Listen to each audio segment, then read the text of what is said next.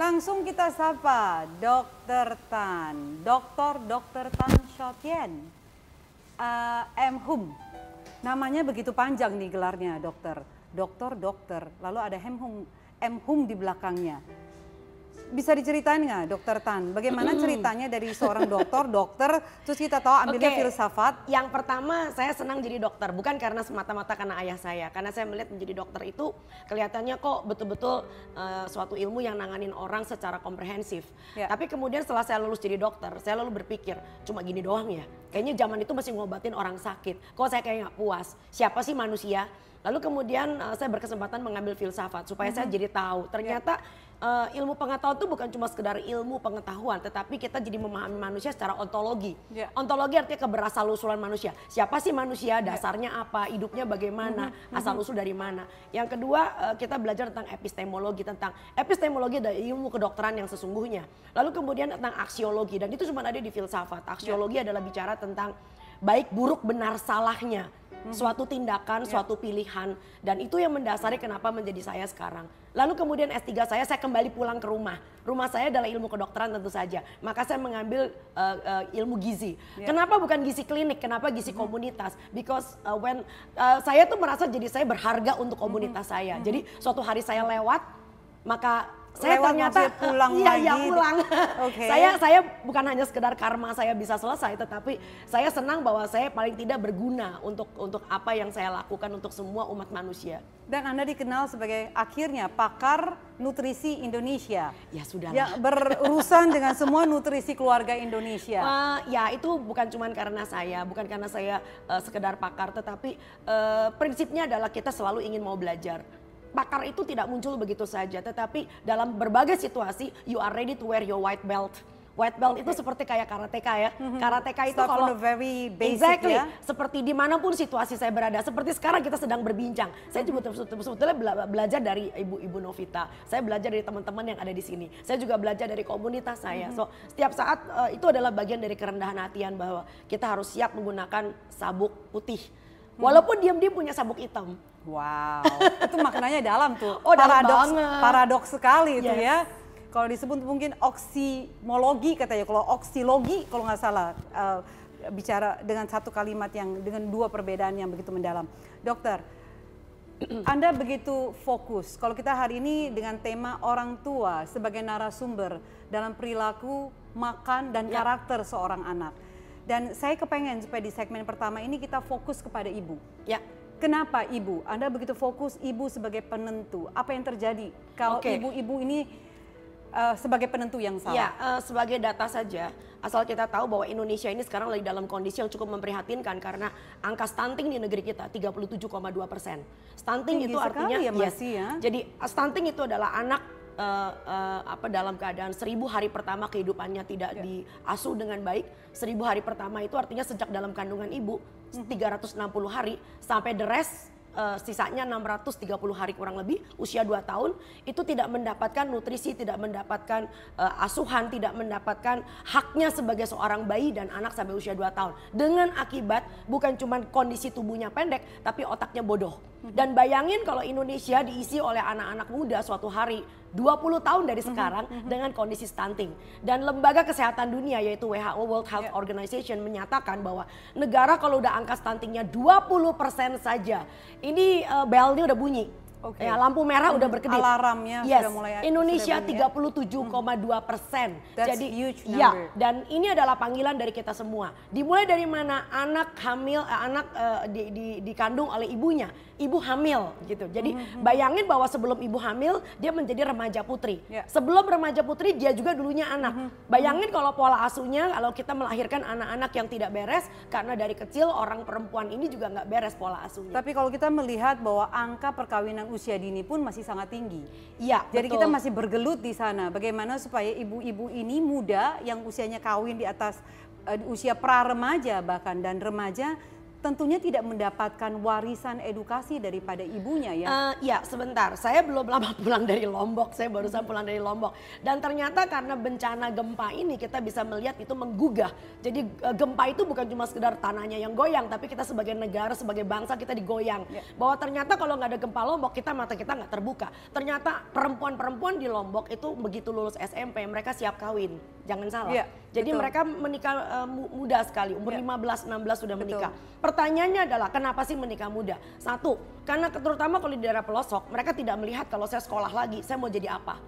Jadi nggak ada passion untuk sekolah mm -hmm. lagi. Mhm. Dan akhirnya tuh ujung-ujungnya kemudian saya jadi istrinya orang. Dan yang kedua, uh, fakta dari teman-teman mereka yang juga sekolahnya tinggi, yeah. bahkan sampai perguruan tinggi, akhirnya mereka keluar dari tanah di mana mereka berasal dan mereka hidup di kota besar dan akhirnya mereka itu juga nggak jadi siapa-siapa bahkan banyak yang lulusan perguruan tinggi dan mereka akhirnya tidak tidak apa namanya tidak mendapatkan uh, pekerjaan sesuai yeah. dengan uh, mm-hmm. keilmuan mm-hmm. mereka mm-hmm. jadi mereka pikir buat apa sekolah tinggi-tinggi jadi umur SD umur 6 SD kelas ini kan kalau bisa dikatakan SD, ini pola asuh kita bicara parenting atau Betul. ini uh, uh, karena pemahaman edukasi yang Betul. tidak adakah atau mencakup semuanya? Semuanya, karena itu disebut, aspek ini. Makanya disebut sehat itu bukan cuma sehat fisiknya doang, ya. tapi sehat secara mental, sehat mm-hmm. secara spiritual, mm-hmm. sehat secara ekonomi, ya. sehat secara budaya. Ya. Makanya ini adalah panggilan dari seluruh bangsa Indonesia bahwa kita semua bertanggung jawab bukan hanya pemerintah toh, tapi bagaimana yes. profesi sebagai dokter yes. kita di media sebagai ahli gizi.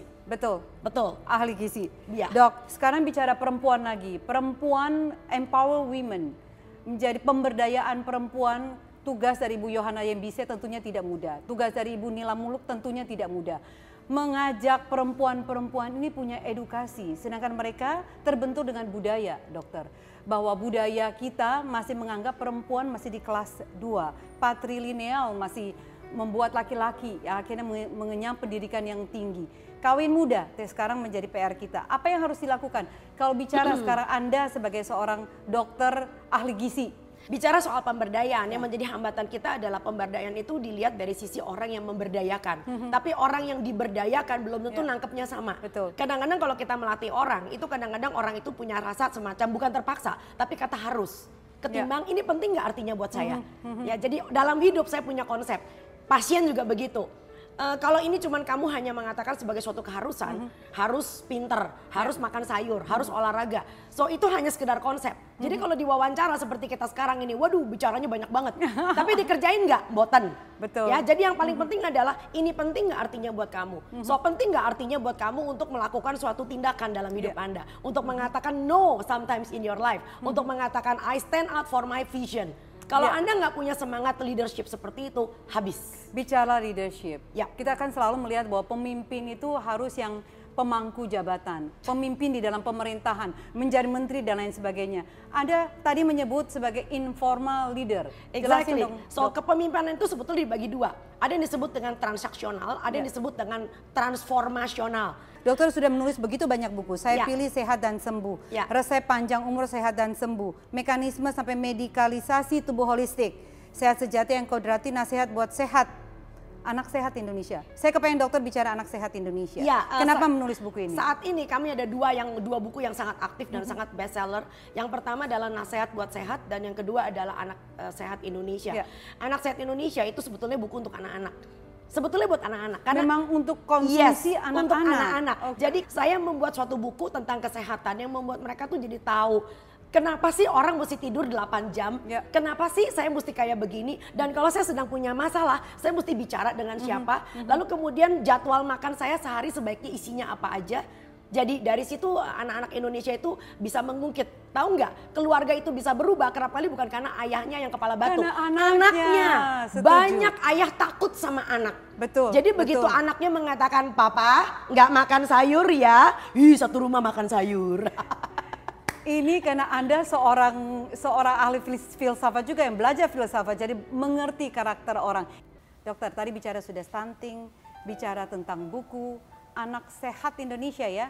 Sekarang saya kepengen kaitannya dari buku-buku Anda tulis dengan stunting. 37% itu bukan bukan angka yang main-main, ya, luar dan, biasa tingginya. Uh, dan itu menjadi perhatian internasional untuk Indonesia. Jadi sekali lagi karena kita bicara tentang parenting, so ya. ini adalah bicara tentang bagaimana peran ibu sebagai yang mengandung si bayinya, ya. gisinya harus baik. Ya, ya lalu kemudian uh, ayah sebagai pendukung yang juga sekarang Jangan sudah lupa ayah ya. Betul. Nah, ayah sekarang kita udah punya organisasi namanya Ayah ASI.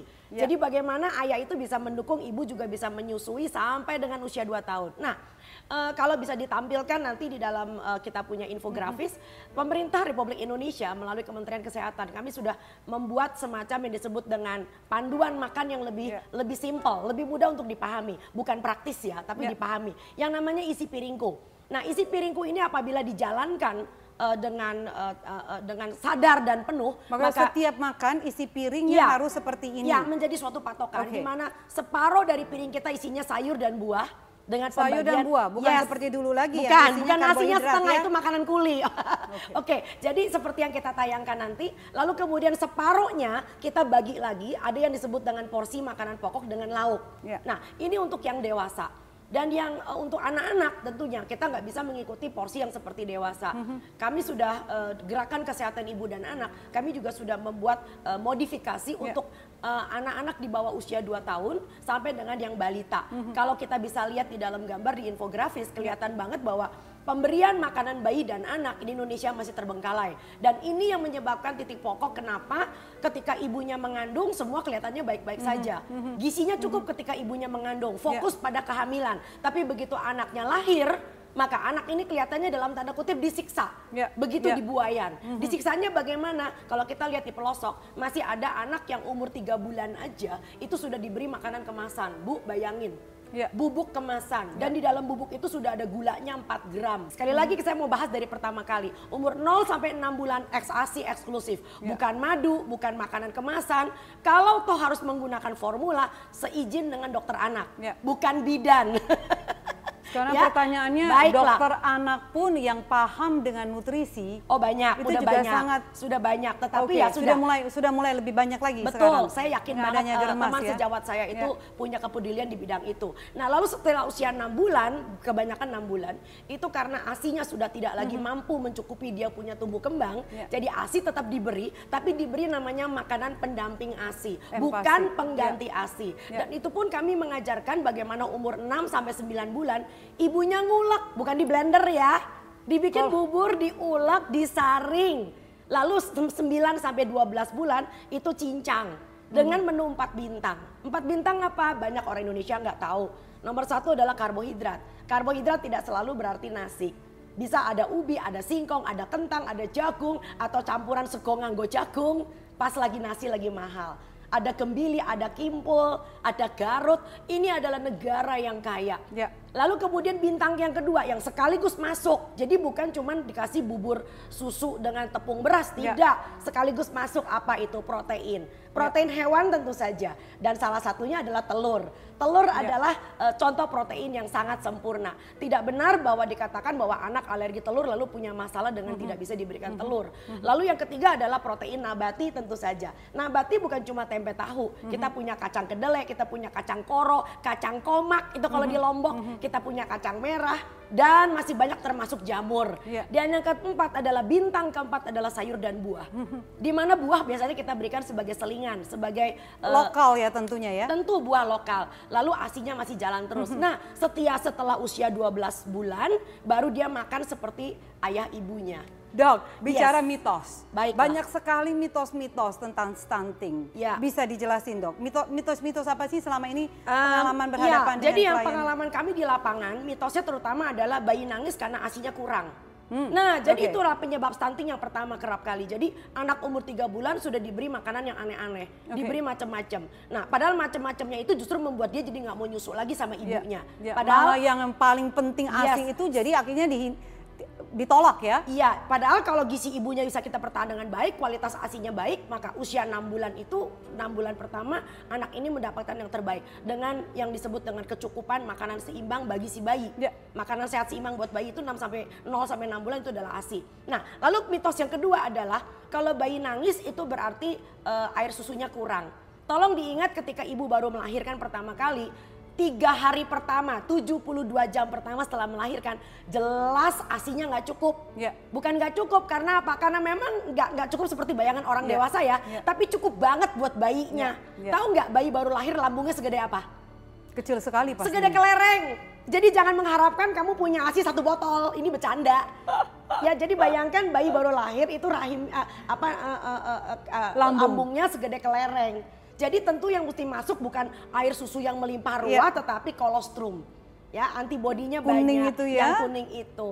Nah, lalu kemudian setelah usia 6 bulan, lalu kita lihat begitu tumbuh kembangnya baik, lalu kita mulai dengan bubur saring dan sebagainya yang saya ucapkan tadi. Tadi bicara banyak, ibu. Selalu kita fokusnya ibu. Padahal tema kita hari ini orang tua adalah narasumber. Perilaku makan dan karakter anak. Ya. Ayah, dokter. Ya, jadi eh, Bicara masalahnya ayah. masalah ayah ini juga suatu hal yang penting ya. Ayah adalah kontributor besar dalam perkembangan dan tumbuh kembang anak dan keluarganya. Peran ayah itu penting. Ayah itu adalah fungsi ketahanan negara dalam keluarga kecil. Ya, Ya. jadi eh, bagaimana ayah itu juga bisa mendukung. Contoh paling gampang, banyak orang mengatakan, dok sekarang dunia praktis, enakan beli apa apa makanan kemasan daripada kita Repot makan. ya katanya. Mm-mm. Masak itu nggak repot. Ya. Ya. yang repot itu adalah persiapannya. Jadi sekali lagi barangkali yuk ke pasar seminggu sekali. Di kampung juga ke pasar nggak tiap hari gitu Ya. ya, nggak ada hari pasaran tiap Ya. hari. Sekali lagi mulai dengan rencana. Membangun keluarga adalah tentang rencana. Ya misalnya apa? Anda belum apa-apa udah punya yang namanya rencana menu. Senin ayam, Selasa tahu, Rebo ikan, Kamis tempe, Jumat jamur, Sabtu seafood, Minggu telur atau Ya. Minggu makan di luar gitu ya kan. Lalu kemudian mulai dirancang. Jadi begitu pulang pasar itu semua udah diracik. Bekerja aja kita punya jadwal, Betul, kita punya SOP. betul. Masa membesarkan keluarga, Yes. anak tidak ada Iya. SOP ya? Dan satu pesan saya sebelum kita hentikan siaran ini. saya cuma ngenes aja, saya cuma gelo. Ini tanah air yang kaya. Jadi semua yang hebat dari tanah air kita itu kelihatannya kita nggak makan. Semua diambil ke orang asing.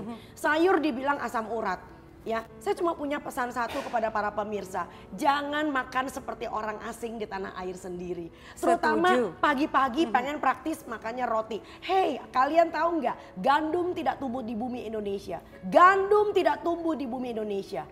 Lalu kemudian eh, kita pakai yang namanya makanan pokok tergantung kita berada di mana. Kalau di Indonesia Timur barangkali kita pakai papeda. Kita lebih banyak dengan ubi. Kalau di Lombok ubi namanya ambon. Lucu deh. Ya, ya. Lalu kemudian lauk. Lauk tidak selalu digoreng, bisa dipepes, bisa di sop. Dok, bicara tadi kan kita bicara nutrisi panjang kali lebar 1, 2, 3. Kita mau bicara sekarang tentang penyakit katastropik itu kan salah satunya Ya. jantung tuh ya. Ya, Bicara olahraga Oke. dok, gerak. Sebentar, tahu nggak anak-anak yang dilahirkan dan dibesarkan dan akhirnya dengan tidak benar menjadi anak stunting?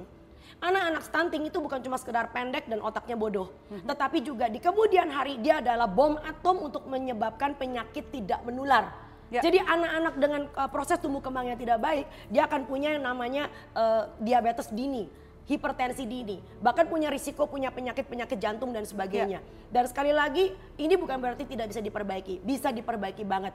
Yuk kita masuk ke dalam program yang sudah kita canangkan bersama bernama Gerakan Masyarakat Hidup Sehat. Perbanyak makan sayur dan buah, makanya kita punya isi piringku.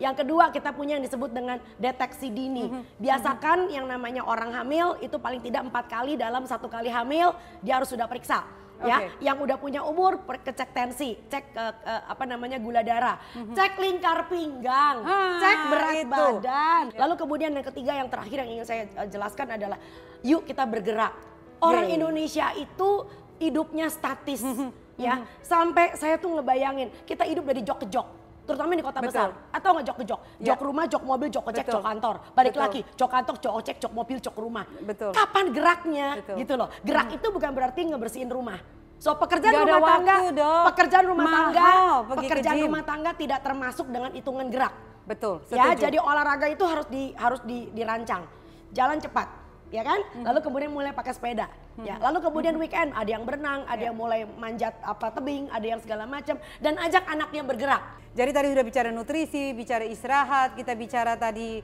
gerak. Ada lagi yang mau ditambahkan dokter? Sebagai penutup sekaligus tips parenting buat happy Tips parenting parenting. cuma satu nggak ada sekolah jadi orang tua Setuju. ya dan menjadi orang tua adalah bicara tentang narasumber bicara tentang contoh Ya. jadi artinya apa pesan saya jangan lakukan apa yang kamu tidak mau anakmu lakukan ya dan lakukanlah terlalu jadi sering apa yang kamu ingin anak kamu lakukan karena kamu adalah mereka punya narasumber Karena itu semua tidak bisa didapatkan lewat teknologi. Nggak bisa. Harus dari contoh Persis. langsung dari orang tua, yaitu ayah dan ibu. Jangan sampai kita punya anak nyontohnya di tetangga.